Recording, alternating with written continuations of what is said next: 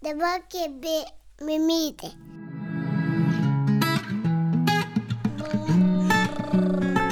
Kaba mama.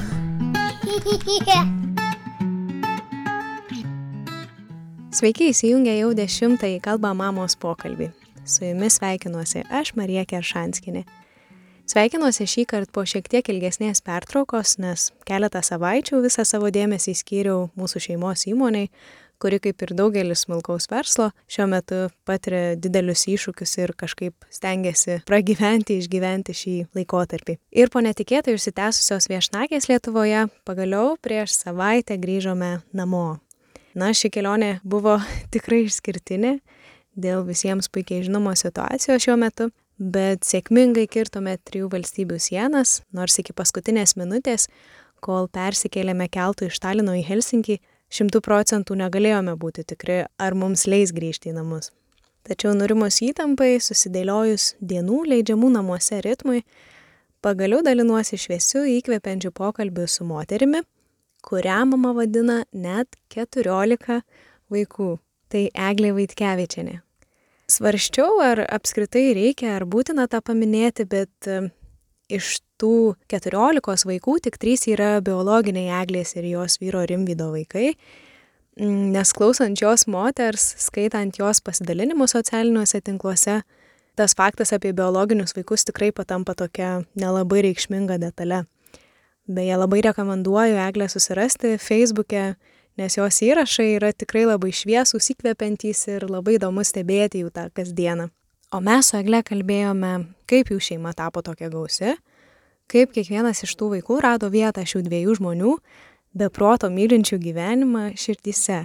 Kaip atrodo šios gausios šeimos kasdiena, kokios taisyklės yra esminės norint, kad gyventi po vienu stogu būtų gera.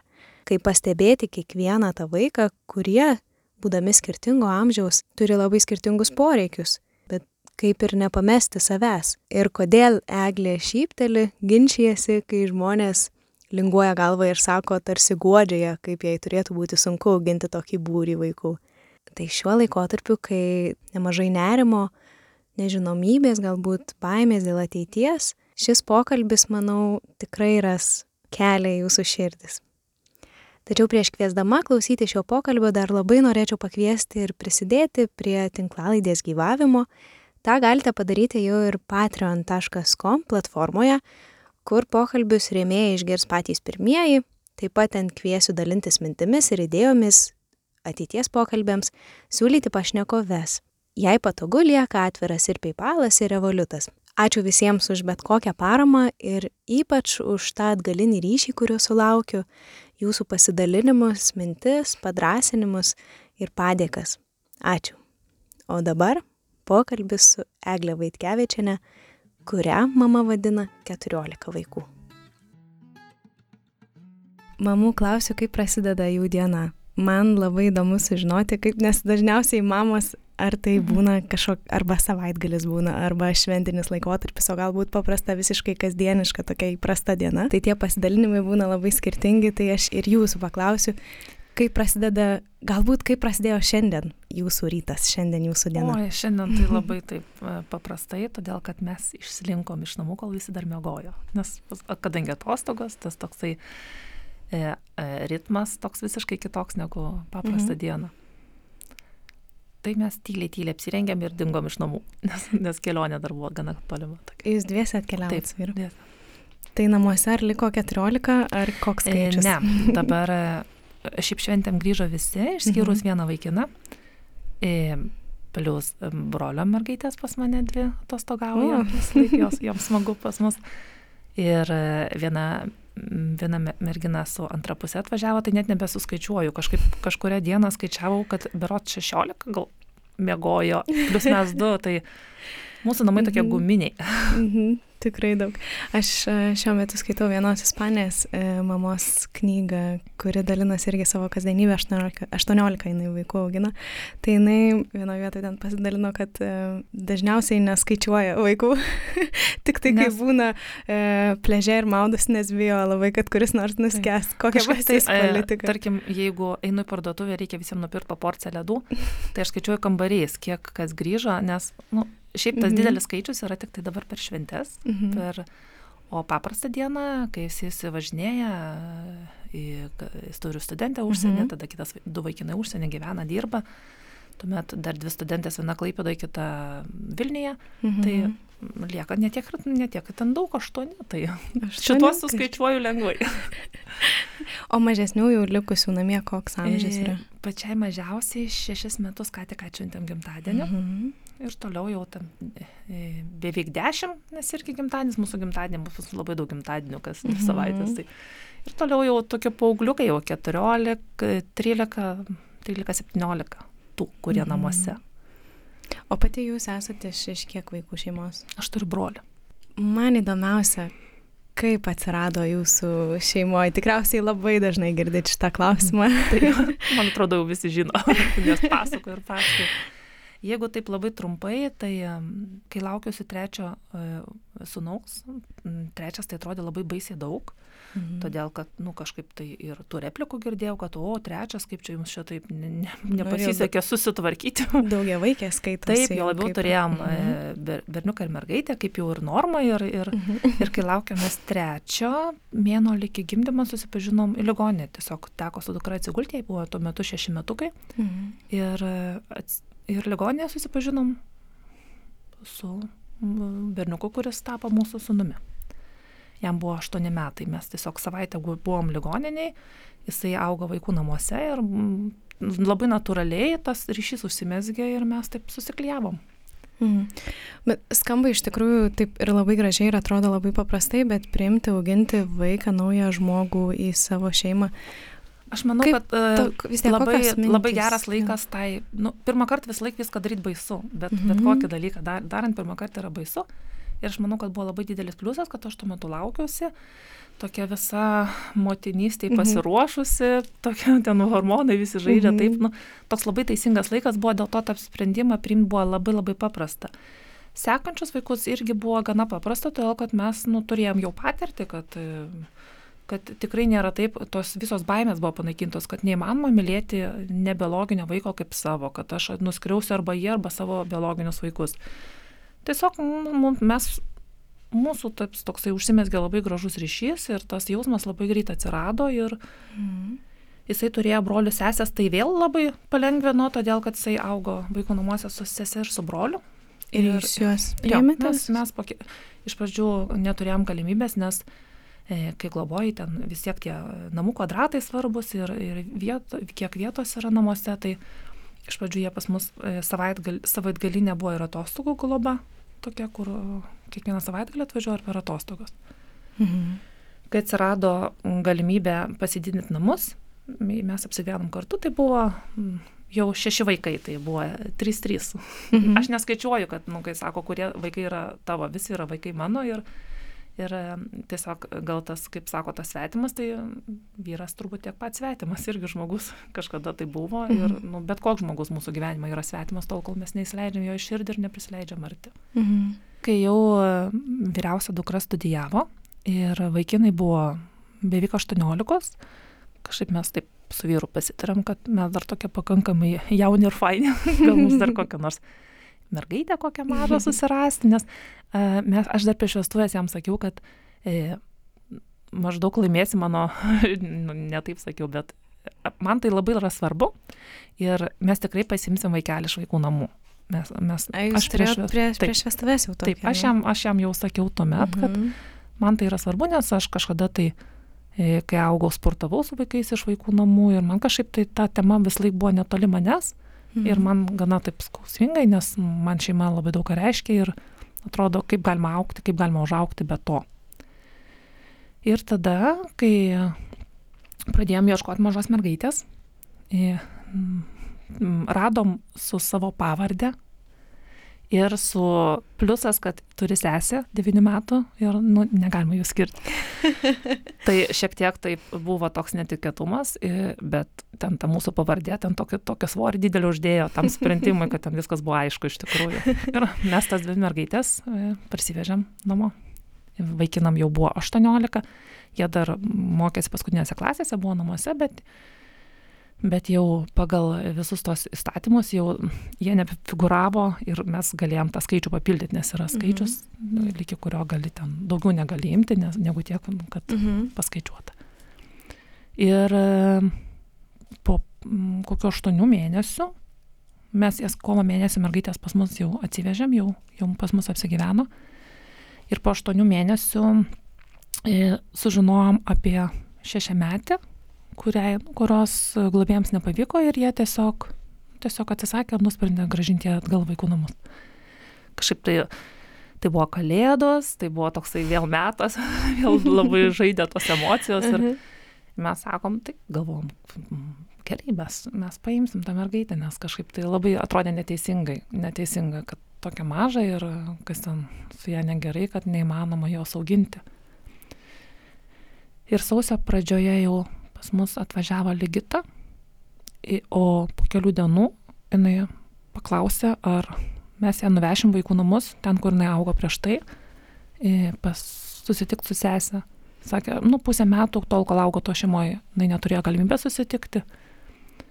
Ir tada sužinom, kad jinai turi dar dvi seses ir du brolius. Taip, taip, to, tada tai tokia buvo, kaip sako, krauna tam, kas veža, bet, bet buvo labai tokia netikėtumas labai didelis. Tai vėlgi tą savaitgalinę globą, kadangi mes, kai nuvežėm pirmą kartą, tai buvo labai jautri situacija, todėl kad jinai visą kelią tiesiog nekvepavo. Ir aš visą kelią glošiau, sakiau, tu kvepuok, kvepuok, nes nu, toks vaizdas, kad jinai užmiršo kvepuoti, jinai tiek jaudinosi, tiek visą mhm. virpėjo. Ir, ir mes kai nuvežėm nu ten įsirusę ten savo tos brolius sesės ir supratom, kad mes niekaip neprivežiosim tiek, kiek jai reikia to ryšio, jo labiau, kad kadangi augo tokio sudėtingo šeimoje, tie brolius sesės jai atstojo ir tėtį, ir mamą, ir, ir, ir visus artimuosius. Mhm.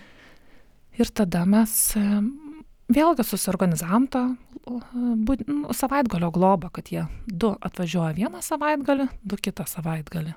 Mhm. Jie buvo jau paaugliukai, 12, 13, 14, 17, tokie jau dideli jau. Mhm.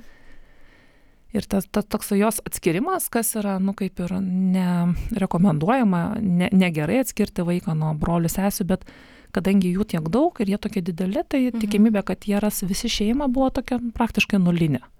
Mhm. Ir, ir, ir mes dabar, kai sakom, kad ta legita išėjo jinai tokia kaip lapė, įkėlė vieną koją, kitą koją ir visai lipa tą vežimą su visa savo šeima. Nes taip, nu taip turbūt turėjo būti, jinai, jinai tiesiog, jinai turėjo būti atsitrasti per kitą šeimą, aš manau, aš tikiu likimu. Ir aš manau, nieko nebūna verto, net tie skausmingi dalykai, jie tokie, jie turbūt veda ten, kur turim mes būti. Ir per tą nepasisekusią globą jinai tiesiog atsidūrė arčiau mūsų, nes mes buvom susitikę viename renginyje ir jau mes jau matėm realiai tą vaiką. Ir, ir tiesiog na, turėjo ten būti, kad visi sesės brolis auktų kartu. Bet jie dabar, ar aš gerai suprantu, kad jie savaitgaliais atvažinė, ar ne, jau dabar ne. nuolat su e, jumis? Nu, vasario mėnesį pirmąjį, kad važiavo pirmindu, o jau vasarą jie taip viskas buvo ten aišku, kad ten neprivažinėsi ir tai yra nesąmonė kažkokia, nes nes jie važiuodavo kaip namo, aš net klausiau vieno vaikino, sakau, ar tu važiuoji kaip svečius ar namo, taip nustebus, aišku, namo. Ir, ir mes tiesiog e, turėjom tada įkurti šeimyną, nes e, šeimyna yra nuo keturių iki aštuonių vaikų. Mhm. Mes viršiom keturis globojimus vaikus ir mes įkūrėm šeimyną. Mhm. O kaip jūsų, dar jeigu šiek tiek sugrįžtant gal į pradžią, kaip jūsų vaikai pačioj pradžioj reagavo į, į tai, kad atsirado. Kaip nauja broli ir sesė. Mhm. Ir netgi dargi smagiau, nes naujagimis yra toksai, nu kaip e, smagus, bet ką su juo veiksi, o jau kai bendramžis atsiranda. Naujo žaidimo draugas. Jau, jo, jau iš karto žaidimo draugas ir, ir kažkaip tai e, nebuvo didelės trinties, buvo galbūt toksai netikėtumas toks pat kaip ir man, kai tie paskutiniai keturi vaikai mhm. atsirado mūsų tokiam horizonte jau ir, ir kadangi šeima yra labai svarbu, negalėjom ignoruoti to fakto, kad, kad yra mhm. tie broliai sesės, jie nu, kažkaip tai būtų nesažininga, kad jie auktų atskirti. Tai tuo metu buvo šioks toks, aišku, visiems trintis maždaug, o jie nesibaigs. ir atrodo, atvažiuosi čia per kalėdas namo ir, ir nesuprasi, čia tavo šeima ar ne tavo šeima, nes čia mhm. daug žmonių, kurių nepažįsti.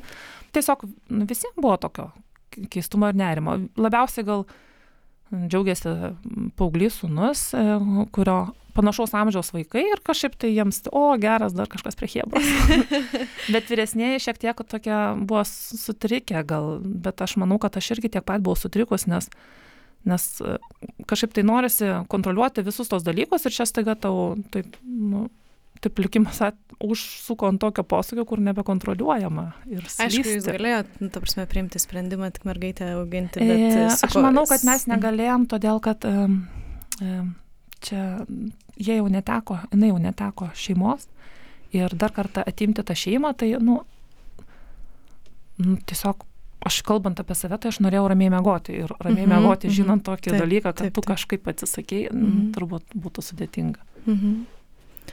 Tas labai gražiai skamba, ta prasme, kad jums tas sprendimas, kuris toks ir sutrikimo, ir nau, nauj, naujo gyvenimo vėlį nešė, tai buvo tas, kuris jums leidžia, kaip sako, ramiau mėgoti. O aš tikiu, kad e, būties, darbų, ruošos tikrai yra daug. Aš pati užaugau su keturiais broliais, tai padvigubinti visą tai, e, beveik gal net ir trim kartais padauginti, tai gal galit pasidalinti, kaip atrodo, ar jūs turit, pavyzdžiui, kokios jūsų galbūt šeimos taisyklės kažkokios yra, kad visiems po to stogo ar nebūtų smagu ir gera gyventi? E, visos taisyklės daugiau gal e, apima tą tokį psichologinį aspektą, o ne fizinį, nes yra tos, e, tarkim, susitvarkyti savo kambarį, ir kartą per savaitę vienas vaikas turi savo dieną, kai vedžioja šunį ir tvarko virtuvę vakare. Mhm. Tai, bet čia, žinokit, būna visaip ir kartais užsimerkia, nes būna tiesiog matau, kad ne ta diena, kad tą virtuvę mhm. sutvarkyti ir aš laisvesnė būna susitvarkau. Bet, e, bet va, tarkim, ta psichologinė pusė, tai gana stengiuosi labai griežtai žiūrėti, kad nebūtų kažkokių patyčių, kad Aš manau, kad sėkmės atvejs yra tada, kai namuose to, to, tokia, tas toksai geras oras būna, toksai pritvinkęs meilės, tokio dėmesio ir, ir jeigu kažkas erzina, kad turėtum galimybę atsitraukti, pabūti savimi ir vėl susi, susiklyjuoti kažkaip tai tą tokią mhm. savo. Tai net negalėčiau įvardinti taisyklių, negalima, negalima apsivardžiuoti, skriausti. Mhm. turbūt, nu, čia turbūt tos pagrindinės taisyklės, mhm. kaip ir visi. O žinot, mes esame matę tikriausiai visi tokių įvairiausių užsienietiškų filmų, kur... Ypač per kalėdas rodo. ir, ir apie tą įsivaikinimą, ar ne? Ir dažniausiai man toks galvoj, žinot, su kas ten tie tokie riksmai, tu ne mano tėtis, tu ne mano mama, tu mane aiškinsi. Gal galim pakalbėti apie iššūkius, kuriais ar iš viso susidurėt su... Būna, tarkim, pačioje pradžioje tie tokie, nu, tarkim, vis tiek ateina vaikas iš visiškai kitos aplinkos, jisai privalo tą tokį pagauti tą šeimos pulsą, nes mhm. kitaip visiems bus blogai ir pradžioje tokia būna šioks toks erzeliukas toksai ir kol įsivažiuojam, bet... Apsigladinimas. Tai tas, nu, aš esu girdėjusi, kad, nu, tai gražink mane atgal vaikų namus ir maždaug čia Tai aš sakau, kad aš savo vaikų nemėtau. Jeigu jau sakau, kai imsiu likę 18. strigai. Kažkaip tai jau strigai, jau papuolė, jau maždaug pasakėjai, kad nori čia gyventi ir viskas. Bet čia pa, pačioj pradžioje tie tokie, net negaliu pavadinti iššūkiais, čia normalu, kol mes e, nusišlifuojam tuos visus mhm. kampus, kol, kol pajaučiam, kol, kol aš pajaučiu tą vaiką be žodžių ir be tiesiog, kai biologiniam vaiką, tai tu matai, tu jauti, ką jisai galvoja, kaip jisai jaučiasi, o kai vaikas jau ne, ateina toks ūktelės, ypatingai pauliukas, tai negali pajusti, ką jisai dabar, kas pasigalvoja, nes tu dar, ne, taip, dar tų signalų negau, ne, nepagauni to, tokių, kad, mhm. kad va, dabar jisai, e, nes ir vaikai kiekvienas skir, skirtingi, vienas labai triukšmingas ir visą savo tą tokį nepasitenkinimą išreikia labai garsiai ir labai greit pamatomas o kitas tiesiog jisai taip įsitraukia, kai sraigė, kažkur tai mhm. nutupia kamputį ir jisai net neužkliūna akis už jo ir turbūt vėliau tada jį pamatai, kad jam kažkas negerai, nes jo nebematai jau mhm. toje to visokie, toje dienoje. Tai tiesiog reikia laiko pagauti visus, kiekvieną tą, nes prisitaikyti kažkaip tai prie, prie kiekvieno ir išmokti, nes kiekvienam skirtingai reikia pasakyti, tos pačius aikindus išplauti, yra šimtas kalbų, kaip reikia kiekvienam pasakyti, kad jisai išgirstų, kad jisai jaustus, kad jisai norėtų tai daryti, o nebūtų priverstas. Gal taip. Mhm. Ir kaip jums sekasi padalinti ir tą dėmesį, ir mm, suprasti, kokia kalba čia dabar šitam vaikui pasakyti. Ne, turbūt kažką. bandymo būdu. Mhm. Bandai vienaip, matai, kad nelabai pavyksta. E, kažkaip tai mm, tas, kuris e, garsiausiai rėkia ir, tarkim, skaudžiausiai kanda, tai žinai, kad jam reikia daugiausiai tos meilės užpiltant jo, kad jisai Mhm. nurimtų. Tai kažkaip tai tiesiog manęs vis klausia, kaip tu visiems dėmesį tą padalini, Mhm. nes neįmanoma. Tai iš esmės, kai jiems reikia dėmesio, jie ateina ir prilimpa. Mhm. Tiesiog labai dažnai ypatingai sako, kaip ten reikia dešimt kartų per dieną pasakyti, aš tave myliu, apkabinti, tai, tai jie patys prieina ir, ir tas, kuris neina, aš jau, uh -huh, šitas jau senokai, trynėsi, einu prie kompo, nu, nutrinsiu nugaryti, jau, jau turbūt prilipo kažkur. Tai, bet, bet iš tikrųjų tas man, man yra labai svarbu tas fizinis artumas. Ir, ir aš manau, kad nu, netgi tiem žmonėm, kuriems meilės kalba yra kita, vis tiek reikalingas tas fizinis artumas. Tai nu, turėjau patirties tokios, kad vienas vaikinas tiesiog, aš negalėjau jo, tuo metu jam buvo gal 11 metų. Mhm. Jisai susinervindavo labai dažnai, labai buvo tokia jautri nervų sistema, jis buvo labai išerzintas ir aš negalėdavau jo apkabinti, raminant ir guodžiant. Tai man buvo labai sunku, todėl kad... Nu, Jis neprisileisdavo? Jisai neprisileisdavo. Tarkim, jam labai bloga diena ir mano prieimas arti dar tą dieną dar, labiau, dar jį labiau užjautrindavo, Mhm. nenuglost, negalėdavau nuglostyti kažkaip. Tai toks kažkaip, tai, nu, jo patirtis buvo kitos, tas prisilietimas, prisilietimai jam reikšdavo visai ką kitą negu meilę. Tai labai ilgą laiką aš jau jaukinausi ir dabar juokiuosi, sakau, kaip kokį šuniuką einat pro šalį. Tai pūkanuojamu nuo rūbo, tai, tai trupučiuką pečius pamasažuoju sėdint, tai, tai plaukus pataisau ir taip kažkaip taip per, per tokį kasdieninį paprastą prisilietimą jisai tą, tą savo įsitikinimus pakeitė, kad prisilietimai nėra blogai ir, ir paskui dabar jau toks paauglys, kur paaugliai turi eiti per atstumą, per rankos ištiesą ranką nuo tėvų, nes tėvai užnesa, jie nieko nesupranta.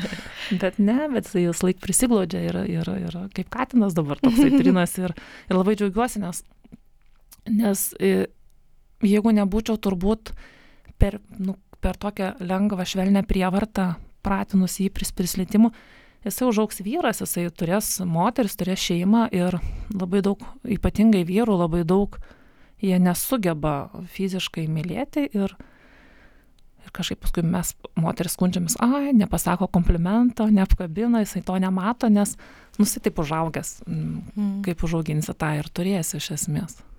Aš kaip suprantu, jūsų su vyru požiūris labai stampa į, į jūsų gyvenimo Taip. būdą ir, ir pasirinkimus. Um, aišku, jūs negalit kalbėti už vyrą, ar ne, bet gal galėtumėt kaip iš mamos ir žmonos pusės pasidalinti, koks jo santykis, kaip, kaip jam sekasi santykiai užmėgsti. E, e, Aš matau ir labai džiaugiuosi tuo labai dideliu jo augimu kaip tėčio, todėl kad jisai augo šeimoje, kurioje nematė tokio galbūt pavyzdžio artumo ir švelnumo ir, ir to sa, um, santykio tvirtumo. Jie- Jis augo dideliai šeimoje ir jo labiau dar tas laikotarpis buvo, kad svarbu vaikai pamaitinti, aprengti, o ten emocinė būklė tai nėra Mhm. taip svarbu. Tai, tarkim, matau skirtumą, kaip, kaip jisai mokėdavo prieiti prie pirmų vaikų. E, Jo labiau mes labai anksti tapom tėvais, man buvo 20, jam 21, tai dabar pažiūriu savo 22 metų bernus, galvoju, o dieve, dar ne, dar jums per anksti. Ir, ir, ir, ir dabar jisai, aš manau, kad su kiekvienu vaiku jisai labai užauga. Labai užauga ir, ir labai daug, daug daugiau pamato ir daug daugiau gali prieiti. Ir tas laikas jisai labai daug skiria dabar vaikam, kiek tik tai, tarkim, kadangi ūk- ūkininkauja, grįžęs vakare iš darbo, tai būna jau gana vėlus metas, susirenka visus ir lekia stadioną ten kokį futbolą pa, pažaisti. Tai būna jų laikas, aš, aš, aš džiaugiuosi, aišku, tyla namuose ir, o gerai, iš tiesų kos priešas televizorių. O, o jisai, kažkaip tai anksčiau to nebūdavo, nu aišku, mes visi ir jisai, ir aš, taip vardinau, nėra laiko, bet, bet iš esmės aš manau, kad tai yra prioritetų klausimas ir tas laikas vis laik atsiranda, jeigu tu nori ir jeigu tu manai, kad tai vertinga. Mm. O jūs randat laiko savo įmanoma net ir tiek vaikų besirūpinti? Iš esmės labai, nu, šiaip, kas yra laikas savo. Tai em, Gal, žinot, man taip jo, jeigu m, konkrečiau aš taip klausau jūsų ir aš bandau įsivaizduoti, kiek jūs um, kaip mama turit sugerti e, daugybę Mane įvairiausių vad- emocijų. mane jie vadina krizių valdymo centras. Vyresni, vyresni sako, skambinu krizių valdymo centrui. Nes, nes aš visą laiką esu ant ryšio, visada. Mhm. Man parašo žinutę, aš per kelias minutės atsakau to, kad telefonas vis laik šalia, nes vis laik kažkuris kažkur tai kažkam dega ir reikia gesinti. ir, ir, ir kažkaip e, aš viską girdžiu, viską per save perleidžiu, bet neužlaikau, nes tarkim, vyresnės merginos sako, man, nu, kaip tu gali tiek sugerti visko ir, ir, ir ta rasti patarimą ir kaip Mhm. nesudegi nuo to Tai va, krūvio tokio. Taip. Bet aš kažkaip ne, nelaikau jo savyje, aš perfiltruoju per save ir paleidžiu. Ir, ir, Mhm. ir lygiai taip pat dėl to triukšmo namuose, tai, tai aš turiu tokią galvoj funkciją, kur atjungia visus triukšmus, visus. Ir aš tiesiog stoviu ir man mama kažkada sakė, sako, tu ką negirdi? Ir aš taip, ką?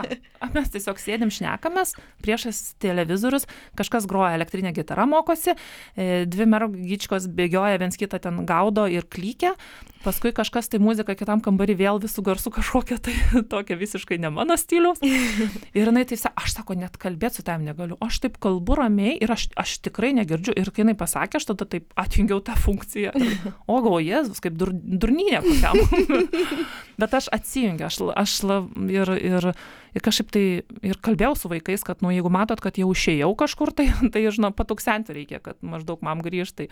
Tai Edvinas vis sakė, mama, mama, mama, mama, mama, ir aš tada tik štai įsijungiu, ką? Nes aš tikrai, aš moku atsijungti ir taip save galbūt apsaugo nuo to perdėgymo. Nes kai jaučiu, kad per daug visko, aš esu, aš matau, bet, bet mano galvoje tokia visiškai jūros ošia ir man labai... Tai aš manau, kad čia tiesiog e, nuo, nuo tokio didelių, čia yra tokia apsauginė turbūt organizmo sis, nu, ap, sistema, kuri įsijungia tada, kai, kai e, nu, galim tai pavadinti ir stresu. Daug Mhm. triukšmo, daug visokių sprendimų, daug darbų tų tokių ir, ir aš galvoju, dedu skalbinius ir aš galvoju, galvoju, ten rušiuoju dar kažką, ką toliau darysiu.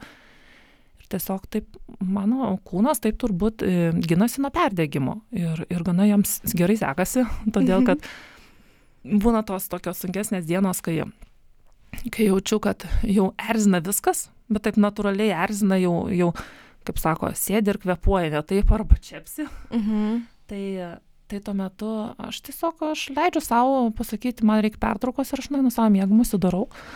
Arba su knyga, arba tiesiog nusnūstu valandėlę ir, ir niekas ten nesugriūna per tą laiką. Mhm. Tik tai girdžiu taip e, labai garsiai, tyliau mama miega ir tas tyliau labiau žadina.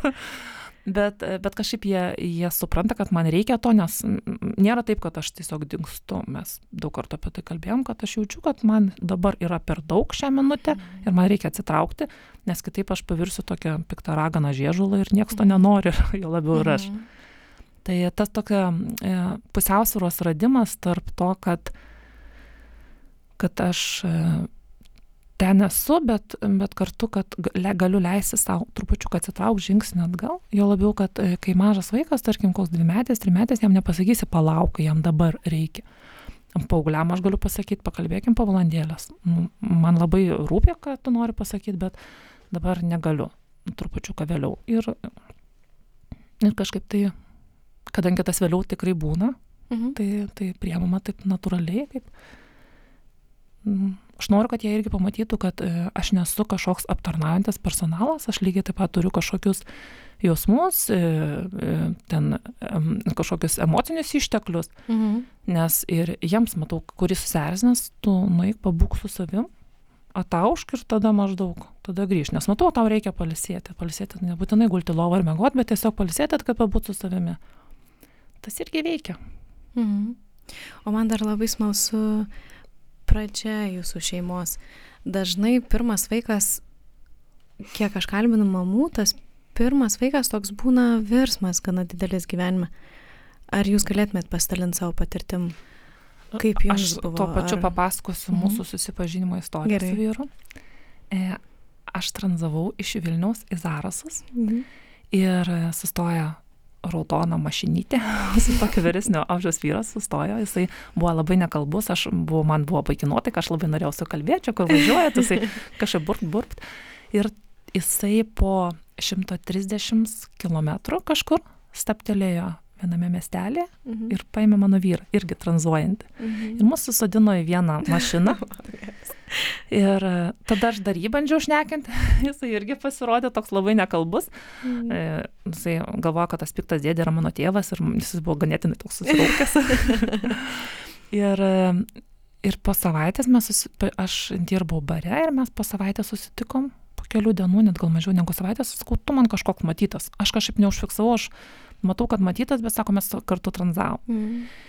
Ir nuo mūsų pirmo susitikimo, e, praėjus šešiom savaitėm, mes padavėm pareiškimus tuoktis. Kiek? mes e, buvo tas e, pirmas tik pasimylėjom, aš per tą pirmą, man šis buvo pirmas gyvenimą, aš pastojau per tą pirmą kartą. Ir tas, tas vaikas buvo nei ten planuotas, nei ten tas vyras buvo planuotas, iš tikrųjų, ne šiam, mes iki šiol ginčiamės, kuris kuriam vaiką užtaisė, kad reikėjo ženėtis. ir, ir tas tai buvo taip greit ir taip viskas, nu, absoliučiai tokiam, kaip, kaip koks sniego kamuolys nuo kalno rėdantis. Ten tokio nei kažkokių tai romanų, nei kažkokio sistavimo mes taip tik, tik mus toks vaizdas, kad iš rusūs ten šachas matas ir viskas jau čia sužaidėt partiją. ir, ir tas kažkaip, kai gimė Augustas, man tuo metu 20 buvo,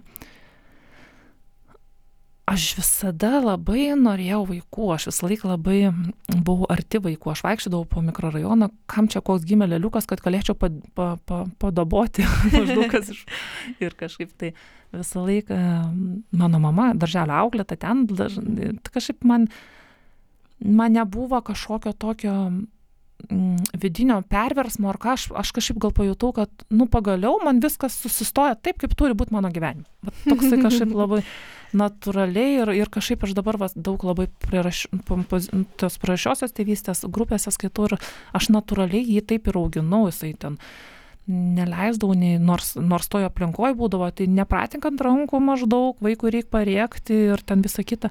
Aš taip intuityviai jaučiau, kad, nu, kaip aš jį turiu auginti, man mhm. buvo labai paprasta. Aš, man nebuvo jokio vidinio konflikto, kad aš ten turiu tiek daug savęs atiduoti. Mhm. Kažkaip tai jaučiausi toks, nu, va, pagaliau tokia, nu, yra tas taip, kaip turi būti ir, ir kažkaip labai natūraliai. Ir, ir paskui po metų pastojau su dukra ir, nu, šiek tiek buvo taip, o, vėl neplanuotai. Šiaip man, mūsų visi vaikai neplanuoti, tik tai va trečias, trečias sunus ir va ta mažoji su mūsų pavardė, o visi kiti netičiukai. Mes visi likę dešimt ar kiek. Jo, mes visiškai nemokam planuoti vaikų skaičiaus. Mums taip kažkaip tai kiek duoda, tiek iš kur ateina iš ten, kažkaip turbūt taip natūraliai. O dar išduokit paslapti, kaip ir kada jūs randat laiko vienas kitam su vyru? Ar ištrūksta trumpai? Jau dabar mes, tikriausiai galbūt mes, žinokit, ir vaikai vieni kitus šiek tiek pasisaugo. E, mes pusdienį būnam vieni. Mes turim tą prabangą, kurios neturi tikrai, neturi kitos poros, reta, kuri gali šeima to pasidžiaugti. Bet kai vaikai išeina į mokyklą, kadangi jisai ūkininkauja, jisai važiuoja šiek tiek vėliau į savo ūkį. Mhm. Ir Lygi kokios antros valandos, nuo ryto septynių mes būnam dviese, čia mes labai daug laiko. Aišku, tuo metu ten jisai kažką tai stato, remontuoja, daro, arba tvarko nuotraukas, nes jisai yra fotografas. Mhm. Aš e, ten, mano ten tokia norma, trys kalbimai per dieną, ten valgia užstatymas ir kažkaip tai visi tokie e, būties reikalai. Bet mes tuo metu būnam dviese tyloje ir, ir vienas su kitu. Tai tas laikas turbūt yra tas laikas savo. E, lygiai taip pat aš galėčiau pavadinti savo darbą laiku savo, nes aš vėliau iš Vilnos mhm. ir tai yra nu, toksai, manau, kad ta kūryba yra toksai irgi atotrukis nuo būties, nuo mhm. visko, kai aš į spalvas tas visas įsilieju visą kitą ir tai yra irgi mano laikas savo, nors tai yra fiziškai vargina ir gruodžio mėnesį labai netgi, ne to, kad labai daug užsakymų, bet tai irgi mano laikas man kažkaip. Mm. Aš žinau, kad ir vaikai jau jums dabar, ne, kai užplūsta užsakymai padėti, padėti jo, gali. Jo, jo, nes e, me, me, vyresnėji, kurie moka velti ir kurie nori, jie, mhm. jie taip užsidirba. Ir, ir, išleidžia baisiem dalykam, kuriais nepritariu, ten kompiuteriniam žaidimam, bet, čia, bet galvoju, nu jeigu uždirbu, čia tavo reikalas, nors vis laik raukiuosi, raukiuosi. bet, e, bet tai jo, mes kažkaip tokią turim, aš, jie mane ir pastumė suklok, ten tafkės į tokį viduriuką aš pradedu, jie viduriukai, paskui aš jau ten galą dekoruoju. Tai, tai mes tokią turim bizniuką šeimininį. Tai labai smagu. O galim dar pakalbėti apie apskritai globą. Gal jūs galėtumėt pasidalinti, gal galėtumėt kažkaip padrasinti tas šeimas, kurios norėtų, galbūt ir svajoja, bet bijo, nes girdi ir daug įvairiausių mhm. ir mitų, ir stereotipų, ir galbūt ne, nepasisekusių istorijų. Gal turit žinutę kažkokią va šitiem žmonėm, kurie labai norėtų, bet bijo? įsivaikinti. Aš manau, kad globoti. labai paprasta tada, kai tu nu, tiesiog susiduri kažkaip kaktomušą su kokia šokia situacija. Ir aš nežinau, ar yra kažkoks receptas. Aš, mano kiekvienas vaikas yra visiškai kitoks. Ir manau, kad mūsų sėkmės atveju um, būtent tas receptas yra, kad aš jų nekeičiu, aš keičiuosi pati. Turbūt labiau negu, tarkim, nes uh, Nes labai mes, mes šiaip suaugę turim tokių labai tokių ambicijų, oi, manęs neklauso, kaip čia reiškia, manęs negerbė, čia mano namai, mano taisyklės, tarkim, čia aš čia protingesnis ir geriau žinau ir, ir tu maždaug čia blo, įsidirbinėjai tuo metu, kai, nu, tarkim, blogai elgėsi, tai tu čia maždaug tyčia man kenki. Bet aš manau, kad e, vaiko būtent elgesys yra jo vidinės e, savijautos atspindys. Tai jeigu jisai elgesi blogai, tai pirmiausia, aš turiu užduoti klausimą savo, ar aš padariau viską, kad jis elgtųsi gerai. Iš esmės, ar aš padariau viską, kad jisai jaustųsi gerai ir galėtų elgtis.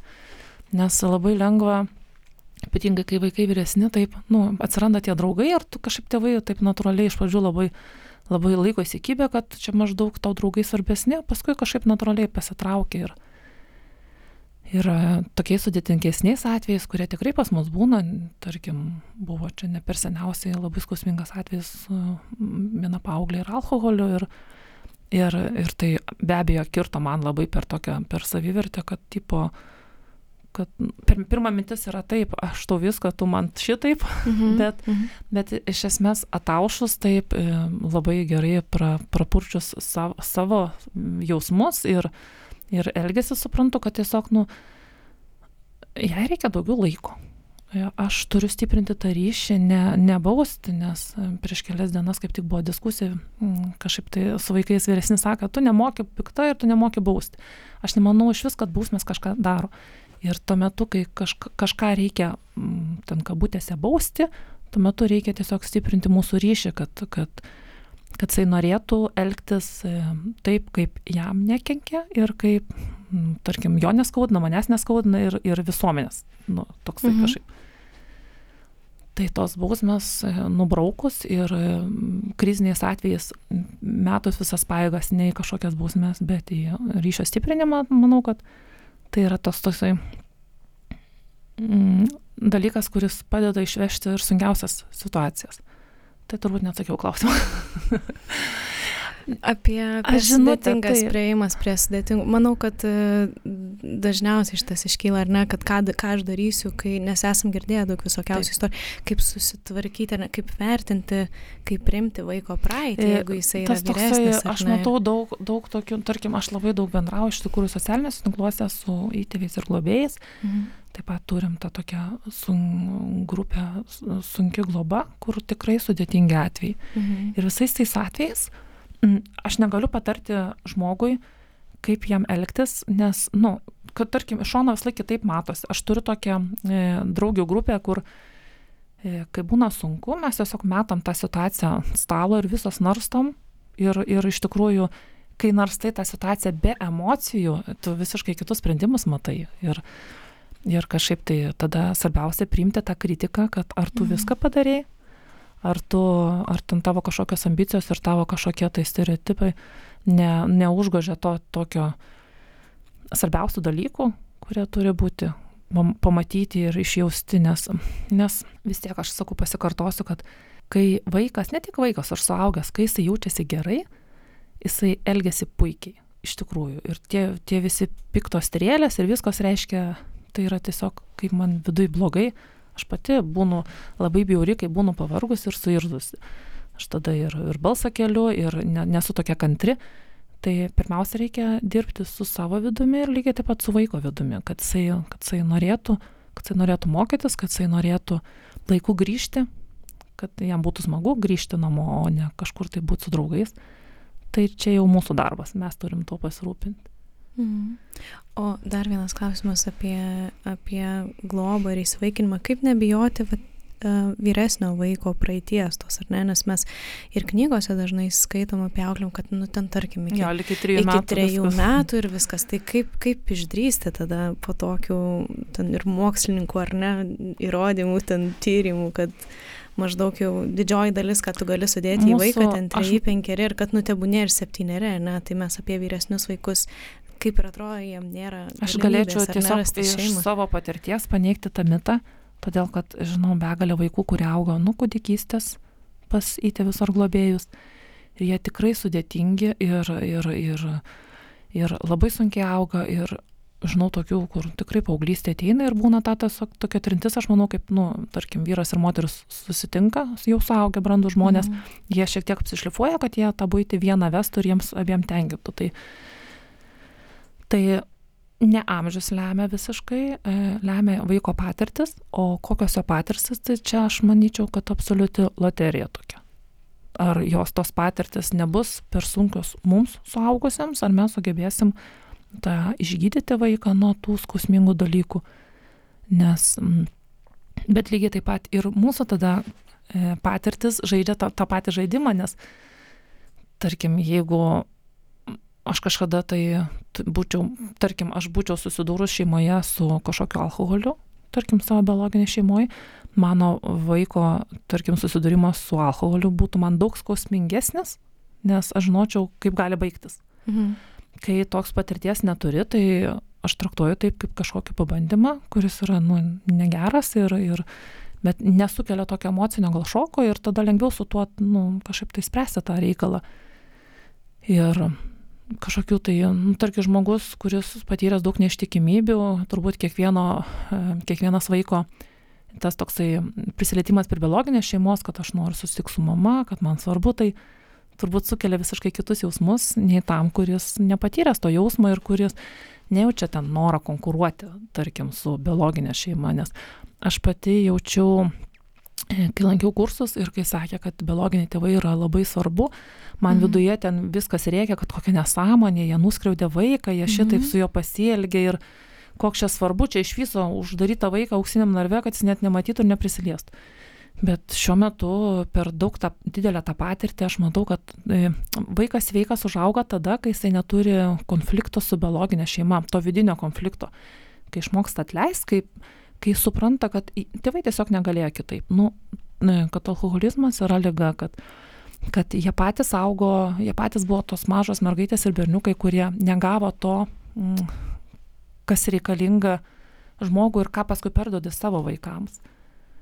Ir šiuo metu mes, tu, aš tokį turiu gerą santykį su vaikų tėvais, kurie yra, mhm. kurie yra iš aps, aplamai, nes yra keli, kur, tarkim, iš vis dingė ir jie, bet tie, kurie eina kontaktą, į kontaktą su vaikais, su tais visais turiu gerą kontaktą ir aš netgi, sakyčiau, daugumą atvejų geresnė, todėl kad paauglystė toks kritinis e, amžius ir tada labai peikti ir, ir tiesiog tada mm, raminu tėčius ir mamas, kad čia laikina, čia, žinai, paauglystė, čia dabar viskas aštru, paskui po kiek laiko pamatysi, po kelių metų vėl kitaip bendrausit ir vėl kitaip jausis vaikas. Nes manau, kad viskas, kas mums toksai sukelia tą skausmą, e, tai neleidžia eiti pirmyn. Tai jeigu labai pyksti ant savo biologinės mamos dėl tų to, kas nutiko ar ant tėčio, tu negalėjai eiti pirmyn, nes tas pyktis tave velka į dugną tokį. Mm. Tai labai stengiuosi iš tikrųjų nu, tą tokį mm, santyki gerinti, mm, paaiškinti, kaip kartais gal ne visada tai būna tiesa, kad nes aš manau, kad nu, negalėti ir nenorėti tai labai slidu, bet iš esmės e, dauguma tų tėvų jie irgi išaugo toksinėje aplinkoje ir jie, nu, ar tu gali vaikui dainuoti lopšinį, jeigu tu net gyvenime nežinoj, kas tas, ta lopšinė yra ir, ir ar gali ten jį ten mm, naktį nešiot visą naktį ant rankų, jeigu tavęs niekas nenešiojo ir tiesiog nutiekždavo kažkur tai ir dar, dar užmesdavo ką nors, kad užsičiaup. Tai tas toksai santykis su, labai svarbus tas santykis ir su biologinė šeima, kas, e, tarkim, įvaikinus kaip ir nebeegzistuoja, nes tu tampi vaiko šeima jau tokia, pagal statymą prilyksti mhm. biologiniai šeimai, bet mes turim tokią skausmingą atvejį, kad vienas iš mano vaikų trijų brolis yra įvaikintas ir jisai yra dingęs. Aš manau, kad tam vaikui, kadangi jis buvo kūdikėlis, yra viskas gerai turbūt, nes jisai auga toks kaip nuo švarios pradžios, bet tiem vyresniem vaikam, kurie jį augino, kol mama negalėjo ir padėjo ten, tai jiems, nu, yra netektis labai skausminga. Tai aš manau, kad tas toksai, nu, negali ignoruoti, kad yra biologinė šeima, negali nubraukti kažkokios riebios linijos, kad nuo šiol viskas yra kitaip, nes tai labai takoja ir nu, tokias, ta tokia savi, mm, visą tokią vidinę savijautą. Mhm. Kas aš esu, tapatybės paieškos, jos, jos tai svarbios tokios, manau. Ar galit pasidalinti, kaip jūs mėgstat leisti laiką visi kartu? E, daug žmonių pasakojat apie stadioną, ar ne, tėčių linksmybės vakarinės, didelės gaujos, ar ne, tokios, o šiaip kaip jūs leidžiat, kokios jūsų būna atostogos, e, vasaras, kaip jūs leidžiat, kas jums ateina į galvą dabar. Ai, vas, mes gyvenam Zarasuotė, žinot, vandenyse. -hmm, tai tai, vasarą pas mus būna labai daug žmonių, ne, nebūtinai vaikų, nes vyresnėji dažnai, nedažnai grįžta, nes bet draugų visokių ir pas mus čia kažkas miega, kažkur tai, nu, vienu žodžiu, toksai visiška tokia stovykla. E, turėjom galimybę vieną kartą visa šeima išvažiuoti kelionę, tai labai toksai, aš labai visą sezoną vėliau ir net cento neėmiau už ten, sakau, vis tiek mes susivelsim tą, tą kelionę, toksai buvo tikslas. Mm. Tai labai taip tokia tokia cementovkė, nežinau kaip kitaip pavadinti, todėl kad vyresni vaikai juk dabar neaugo su dabartiniais vaikais, jie žino mm -hmm. viens kitą, bet jie nepažįsta taip artimai, kaip augia kiekvieną dieną, kai trinėsi šalia šonais. Tai jūs visi visi važiavot, kiek žmonių buvo? 18. 18. Važiavo dar mano mama ir sugalvojome mergaitę tuo metu. Mm -hmm. tai, tai mūsų buvo labai daug. Tai, nu, ir manau, kad va, tie tokie laikas tas kartu, kas yra gana sudėtinga visus surinkti, nes e, visi tikrai mm -hmm. ten turėjo paimti ten daug atostogų, suderinti vyresnėje ir kažkaip tai laiku. Bet tie tokie dalykai tai tikrai labai suartina. E, lygiai taip pat kaip man, tarkim, gruodžio mėno, man dėl darbo tai yra pats darbingiausias mėno ir aš vis laik jausdavau, kad aš prarandu tą adventą. Mhm. Todėl, kad visą dieną, kiekvieną laisvą minutę lėkiu į studiją ir vėliau, vėliau, vėliau. Ir, bet šiemet sakiau, kad ir vis laik man taip skauda kažkaip, kad aš prarandu, nes ten aš matau, kad žmonės ten prieš laukimą, ten kažkokią šventę, o man toksai kiekvieno vaiko koncertas ar kas, o, vėl koncertas, ir reikia kažkaip spėti, ir čia, mhm. ir ten pro gimnaziją kažkoks renginys, ir čia meno mokyklai kažkoks renginys. Bet kažkaip šiemet savo taip dav, nusistačiau, kad e, dirbsiu mažiau ir, ir mes darėme advento kalendorių. E, sėdom visi prie stalo ir susirašėm užduotis, kokias tos dienos planas. Mhm labai toks pasiteisino toksai dalykas, nes mes e, visi, kurie buvo namie, buvo visi traukti į tą mhm. reikalą. Tai vaikai jau laukia kito advento, nes darysim vėl tą patį, to, kad bet kokios užduotis, tarkim, komplimento diena. Visą dieną turi viens kitam sakyti komplimentą. Mhm. Tai būdavo perdėt, o dieve, koks gražus tą mėgstinis ir visiems juokinga, bet ta tokia nuotaika namuose, oi kaip tu gražiai padėkoji maždaug. Tai ėjom į baseiną visi, ėjom į, į stadioną, ėjom, turėjom ten visokių keksiukų, piragų, ten šokoladinių fondių dienas, ten labai daug buvo maisto ir juokiausi, kad, sakau, mes turbūt tą vakarą buvom alkani, nes visi surašė taip ir ledų diena, ir, ir kažkokių taip keksiukų diena, ir, ir suši diena, sakau, turbūt mes alkani buvom, kad mes visą, kad susirašėm tiek daug maisto. Bet, bet tie patys gaminimai vis, vis, vis tiek yra kitokie. Tarkim, kai kai gamina vienas du, nes nu, jeigu, pavyzdžiui, paprastą dieną aš ruošiu pietų, sako, kas tau padeda ruošti, niekas nepadeda, nes visi mokykloje būna.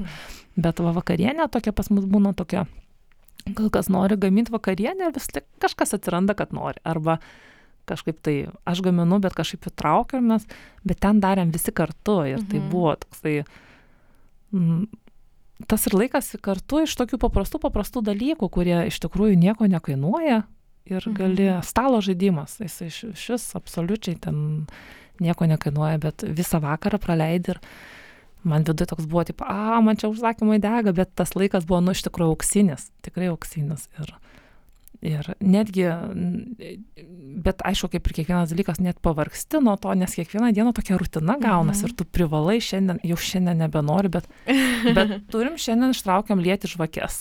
ir, ir jau atrodo, o, nelik žvakių šiandien, bet, bet kažkaip įs, įsivažiuoja. Čia toksai, Mhm. kaip sakau, kaip sporte, sunkiausia apsiūt kėdus, o paskui kažkaip tai jau savai, savai eina viskas. Tai tokia, o šiaip kasdienybėje, tarkim, jeigu nedvinto metu, tai kad taip visi visi, ne, ne, niekada nebuvo tokio man tikslo, kad kažkur važiuom privalai važiuoti. Ir šiaip organizuojam kažkokias tai ar išvykas, ar kažkokius tai užsiemimus, bet dažniausiai, dažniausiai nori, nes tai yra laikas kartu. Bet, Mhm. bet taip, kad būtų, kad kažkuris nenori, aš jaučiau vid, vidinę dramą, o dieve, jisai dabar neatsisako kažkur važiuoti ar kažką veikti. Ką jausdavau su pirmais vaikais. Visi važiuojame kaimą, vienas nenori. Kaip tu gali nenorėti? Ir, ir sakau, visa ta, visas tas e, augi, vaikų auginimo lengvumas yra todėl, kad aš save labai gerai išauklėjau, iš esmės. Nes visos tos dramos, kurios anksčiau kildavo ir kurios būdavo, o tėve, kaip sunku auginti vaikus, tai būdavo apie mane, ne apie vaikus. Nes e, numesta kuprinė, pasikel kuprinė, aha, vėliau, o man vat, užsiciklino, va dabar turi pasikelti ir, ir padarai konfliktą lygio vietoje. Kažkaip aš dabar net nebematau tų dalykų, aš, jeigu jinai man trukdo, aš paspiriu ją ir tiesiog nueinu. Tai, tai iš tikrųjų, sako, kaip tau sunku, man žiauriai lengva, dėl to, kad aš, aš tiek dabar save gražiai i- išauklėjus, kad man, nu, man lengva, nes aš nebekeliu dramų ten, kur nereikia kelti, man, man nėra nuoskaudų, kai kažkas trenkia durim prieš nosį supykęs, nes aš tiesiog matau, kodėl jis supyko ir tipo, nu gerai, tau šią teisę maždaug. tai, tai, tai kažkaip tai, todėl ir nėra sunku. Lūkesčių tu nėra. Mhm. Nes e, sunkiausias dalykas yra lūkesčiai, nes kai tu žinai, kas turi būti ir nevelnio nebūna taip, niekada, niekada su nieko. Tos pačios kelionės, susiplanuok, tai vis laik vėluosi, kažkas apsipils, persirengs, ir- ar ten mašina galų galę neužsives, vis tiek kažkas bus. Tai tas lūkesčių nebuvimas, toks plaukimas pasroviu ir mėgavimas tą tokią srovę, tai yra pats geriausias dalykas. Ačiū labai iš pokalbį, Eglė. Ačiū Jums. Ta gražia smagia gaida.